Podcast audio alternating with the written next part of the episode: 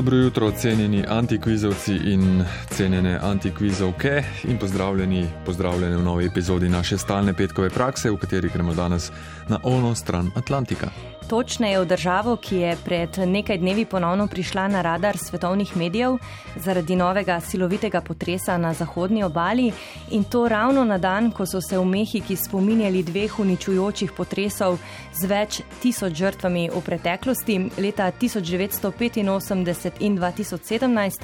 Tokratni je imel magnitudo 7,6. Ja, 1985 je bil tisti najhujši. Ja, tokrat je umrl en človek in uh, bodi dovolj o potresih. Uh, gremo kar na naše uh, podatke. Pravila poznamo, pet podatkov o Mehiki, štirje držijo, mi pa iščemo tistega, ki ne drži, nič 1, 4, 7, 5, 2, 202. Tole so pa torej podatki o Mehiki. Listen very carefully, I shall say this only once. Podatek številka ena. Prvotnim oziroma avtohtonim prebivalcem Mehike nikoli ne zrastejo modrostni zobje. Drugi podatek. Samo ena država na svetu ima v svojem uradnem mednarodnem zapisu črko Y, to je Jemen, in samo ena črko X, to je Mehika. Tretji podatek. Jukatan, eh, ime polotoka v Mehiki, pomeni ne razumem te. Četrti podatek, Antonio López de Santa Ana je bil general in sedemkratni predsednik Mehike, znan je tudi potem, da je dal z vojaškimi častmi pokopati svojo amputirano nogo. In še peti, zadnji podatek. Nako je mesto na meji med Arizono in Mehiko, razdeljeno z mejno ograjo. Prebivalci so več kot 30 let tradicionalno enkrat letno prek te ograje igrali odbojko, leta 2007 pa so tradicijo prekinili, ker so jim ograjo povišali na dobre 4 metre.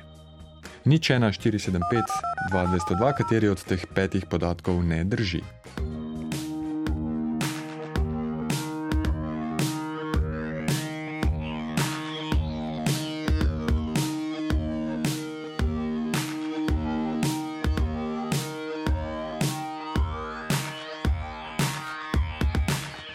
Tako, pravzaprav se mi danes zdi tale kviz kar preveč lahek, ampak uh, bomo videli. No. Imamo torej modrostne zobe, oziroma jih nimamo, imamo črki X in Y v mednarodnih zapisih, pa imamo Jukatan, Antonija Lopeza de Santa Ana in odbojkarsko mesto na meji med eh, ZDA, med Arizono. In Mehiko Zoran je pa prvi, ki je poklical: Dobro jutro, Zoran. Dobro jutro. Ja, dobro jutro. Je bilo lahko ali uh, ne preveč? Ma, Bi rekel, da nimam pojma, ampak bom videl. Dobro, potem ni bilo očitno tako lahko. Eh, lahko pa še zmeraj dokažete nasprotno. Povejte. Kateri podatek? Uh, prvi. Modrostni zobje. Hmm. Ni bilo tako lahko. No. Zakaj? Zakaj mm, vas je ta podatek zmotil? Pa ni me zmotil, samo pač. Zdaj se vam ja, je najbolj butast. Pripričam, da. da avtohtonim mehičanom rastejo modrostni zobje, pa jim ne, a ne Nina. Tako je. Znanstveniki so delali raziskave, kdaj modrostni zobje zrastejo in kdaj ne, in ugotovili, da gre za poseben gen, PAX9. Logično, da gre za gen. Skratka, rezultati raziskav so pogostost ageneze, kot se imenuje, pomankljiv razvoj ali prirojena odsotnost nekega organa ali njegovega dela in za modrostne zobe pri, pri avtohtonih mehičanih so ugotovili, da jih nimajo torej v skoraj 100 odstotkih. Torej, skoraj uh, noben mehičan, avtohton, seveda je mnogo tudi priseljencev, ne, predvsem iz Evrope, uh, nima modrostnih zob. Za primer, da nimo avtohtoni prebivalci Tasmanije v Avstraliji imajo skoraj v 100 odstotkih vsi modrostne zobe, večina evropejcev in afričanov pa ima vsaj njihove zametke, če že niso zrasli zoran. Mehičani, ja, avtohtoni pa modrostnih zob nimajo. Okay. In tukaj ja. naredimo piko, da ne bomo razvijali še kakšnih neumnosti. Uh, Boštjan, uh, Boštjan, Zoran. Najlepša hvala. Hvala, lep konec tedna. Okay, za začetek petek, nasvidenje. Uh, zdaj pa res Boštjan. Ja, živim. Ja, Boštjan, iz Ljubljana. Um, zdaj nisem jaz poslušal, ne, ne kaj sta ta odgovorila. Ampak ta, ta zadnji za odbojko, da, da ne graje več, ker so povišali ograjo, ali je ta še, ali kdo že odgovoril to? Ne, tega ne. ni še nihče odgovoril. Govorimo ne, o mestu Nako. Ja. Zakaj bi pa tega? Ne vem, tudi če dvignajo uh, ograjo, ne, pa da je to tako simbolično pač dejanje. a Ne? Tudi če je 4 metre pa nekaj visoka ograja, še vedno lahko igrajo odbojko. Razen če si na drugi način prepovedali, ampak zaradi tega, ker so dvigali ograje, pa po mojem niso nehali igrati. a Ne? Zanimivo razmišljanje in če bi šli zdaj le iskati podatke na spletu, bi dejansko videli, da, da so neki poskusi nekih odbojk, ampak to bolj, bolj za hec. Mi pa govorimo o dogodku in o mestu, kjer je bil to tradicionalen vsakoletni dogodek. In ja. um, to mesto je mesto Nako. Uh, če ga boste pogooglali, recimo prav Nako, Arizona in Nako Sonora, to je v Mehiki, uh, to sta neke vrste Gorica in Nova Gorica. Recimo, ja, na ameriško-mehiški meji med njima je potekala žičnata, dobra dva metra visoka ograja in zdaj zgodba. Med leti 1979 in 2007 sta mesti vsako leto priredili odbojkarsko tekmo, v kateri so lahko sodelovali prebivalci obeh mest. Največkrat pa so igrali kar obmejni pazniki. Žogo so si podajali prek mejne žičnate ograje in igrali na tri dobljene nize. Poraženec je moral na svojem teritoriju organizirati zabavo za zmagovalno ekipo in zabava je bila praktično vedno na ameriški strani. Zdaj nisem našel podatkov, ali je bila zaradi tega, ker so bili mehičani boljši ali zaradi kakih drugih razlogov. No? Skratka, mestni zgodovinar Sixto de la Peña je v svojih zapiskih omenil, da je bila edina težava teh tekem to, da je bila pogosto mreža um, tako ostra, da je poškodovala žogo in seveda to, da so morali mehičani skozi um, luknjo potem na drugo stran, če so hoteli na to organizirano zabavo. Ampak um, to so storili seveda. V dogovoru z obmejnimi oblastmi šlo je pa za dogodek, ki je mesti res povezoval. Na dan tekme je Nako postal eno samo mesto. No, potem je pa prišlo leto 2007 ko so žičnato, dobro dva metra visoko ograjo zamenjali s kovinskimi drogovi, visokimi 4 metre. In višina in dejstvo, da se prek teh drogov ni več videlo nasprotnikov, so potem to tradicijo prekinili. Ja, pa tudi uh, zmagovalci niso mogli več uh, k poražencem skozi. skozi uh, mreža, verjetno. Ja. Na meji med državami, ki je v celoti dolga dobrih 3000 km, je kakih 1100 km ograje oziroma praktično zidune po odredbi iz leta 2004 predsednika takratnega Buša, mlajšega, poleg seveda naravnih uh, ograj v obliki gora, reke in ostalega. Boštjan, uh, sicer ste dobro sklepali, ker uh, najti se da posnetke oziroma fotografije uh, nekih poskusov odbojke, ampak ne pa organiziranih tradicionalnih vsakoletnih turnirjev, ki jih je potem vsaj tega res prekinila nova ograja. Boštjan. Okay. Na dolgo in široko smo razložili, morda celo predolgo in preširoko. Ampak dobro. Lep dan, lep konec tedna, Boštjan. Tako tudi vam. Lep dan. Dio. Dio. Dio. Anita. Dobro jutro. Pozdravljeni, živijo. Živijo. Živijo, živijo. Pozdravljam tudi mojega predhodnika, Boštjana, mojega moža. Aha, ko, je, ko, je izvedel, da je klical, uh, ko je izvedel, da odgovor ne bo pravilen, je porinil telefon v roke in rekel: poskusite še vi. Ne, ne, ne nisva na istem delu, ampak mi sem ga prepoznala. Ja. Ta, jaz bi poskusila Jukatan. Jukatan. Tretji podatek. Ja. Kaj bi pomenilo Jukatan? Pojma nimam. Izgovorite ampak... tako, zlo, zlogujte.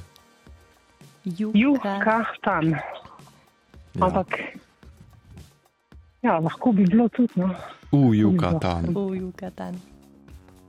Ime Jukatan naj bi dejansko bilo posledica pomote, ko so Španci prvič prišli na polotok in se poskušali sporazumevati z domačini, so jih seveda v španščini spraševali, kje so pristali, kako se kraj imenuje. To se je dogajalo v zgodnjem 16. pa tja do 17. stoletja. Pred prihodom Špancem se je um, ta polotok imenoval Majap, v jeziku Majev to pomeni raven, od to tudi um, etimologija imena Maj. Ja, Maja, tako so sami rekli uh, temu polotoku, uh, Maji so pa dobili potem ime od evropejcev. Skratka, ime Jukatan se pojavi okrog leta 1517, sklepajo zapisal, ko so španci domačine res spraševali, kako imenujejo ta del kopnega, in domačini naj bi odgovorili v Jukatan. Anita. Ja. Kaj bi okay. to pomenilo? In španci, in španci so ponovno um, vprašali. Pikico razumem, ampak jaz bi bolj se nagibala no pa. Ja, eh, Španci so potem ponovno vprašali, kako imenujejo to regijo. So slišali še Manatik, Katan. Ne razumemo te, poslušaj, kako govorijo. Uh, skratka, duhovnik Toribio de Bena, uh, Benavente Montolinja je zapisal to zgodbo v knjigi Historia de los Indios de la Nueva España in dodal, da so Španci vse skupaj res slišali kot Yucatan, poenostavili in uh, polotoku tako dali ime Yucatan, kot ne razumem te. Okay. Se razumemo. Odgovor je bil napačen. Pozdravite, Boštjana, drugič? Anita. Ja, Lep lep pozdrav pozdrav. tudi vam, adijo. Dio. Lep dan. Aleš, Zdravo. če ni Aleš. Aleš. Aleš. Dobar dan. Dobar dan. Uh, povejte, kaj pa vi mislite. Imamo torej še um, Y in X, in imamo Santo Ano, predsednika in generala, ki je dal z vojaškimi častmi pokopati svojo amputirano nogo. Ja, ok. X pa Y. X pa Y, Drugi podatek. ker Ja, zato ker Y je še v Paragvaju. Ne? kje je pa X še? Ja, to pa ne vem. Uh, joj, kako je to zdaj le smešno reži, ker smo kot prvotno uh, trditev zapisali, da je Mehika edina država, ki ima X v svojem zapisu, uradnem mednarodnem. Na kar se je izkazalo, da bi bilo to morda prelahko, in smo dodali zraven še Y, da malo zapletemo. Um, država, ki ima v svojem zapisu X, ni samo ena, ampak sta dve, in uh, ta druga država, ki ima v svojem zapisu X, je v Evropi. Aleš, Ja, Luksemburg. bravo. Bravo, ja. Ja, ampak če tako postaviš trditev, uh, iščeš posod po svetu, ne pa tako blizu. Ne. Ja, Luksemburg je poleg Mehike edina država, ki ima v svojem mednarodnem zapisu um, črko X. Uh, za Y pa nisem preverjal, ja, ampak poleg um, Jemna, ki je edina, s katero se začne, ne, um, edina država na svetu, ki se začne z Y. Um, je verjetno poleg Paragvaja še kakšna, si predstavljam. Nisem pa preveril. Ja. čestitke. Hvala. Uh, pustite podatke v režiji, um, skoči ali pa pokličite, prosim, čez eh, dve ali tri minute še enkrat, da vam Nina pobere podatke. Mi dva pa z Nino zdaj le še razloživa, kateri nam je ostal. Antonio Ja, Lopez de Santa Ana. Alež, pozdravljeni. Ja. Uh, Antonijo Lopez de Santa Ana, uh, zelo znano mehiško ime, živel je v 19. stoletju. Uh, tudi v času boja za mehiško neodvisnost, um, sin Španca in Francozin je izobraževal se v Napoleonovi Franciji, tudi vojaško, no potem se je pa vrnil v Mehiko, se priključil vojni za neodvisnost in se pozneje povzpel do naziva generala, da nimo poveljeval je v mehiški vojski v bitki za Alamo 1836, kjer je to zgodbo poznamo, ne, 2400 mehiških vojakov z velikimi žrtvami zasedlo utrjen misijon Teksačanov eh, s kakimi 200 uporniki. Eh, Ena od bitk eh, za um, osamosvojitev Teksasa izpod Mehike in potem eh, so se priključili ZDA. Med leti 1833 in 1855, s krajšimi prekinitvami, je bil tudi kar sedemkrat predsednik Mehike. Mehika je sicer samostojna od leta 1821, no zgodba o nogi pa je taka. Mehika je bila seveda tudi po samostojnosti tarča raznih interesov, predvsem ameriških. Pa tudi drugih.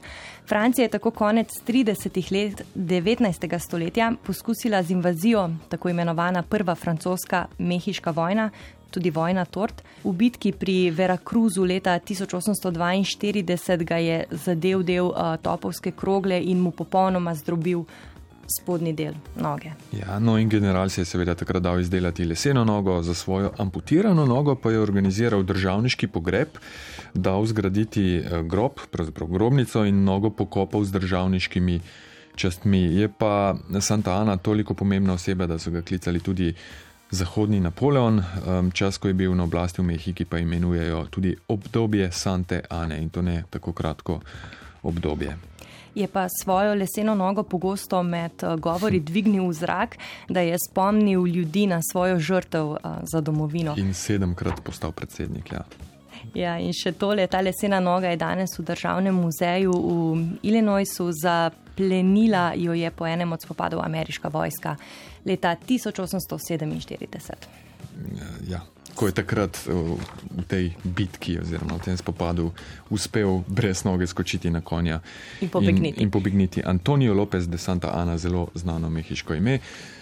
Tako, ura je devet, uh, Aleš bo poklical, Nina bo pobrala podatke, vsem ostalim pa hvala za sodelovanje in se slišimo prihodnji teden.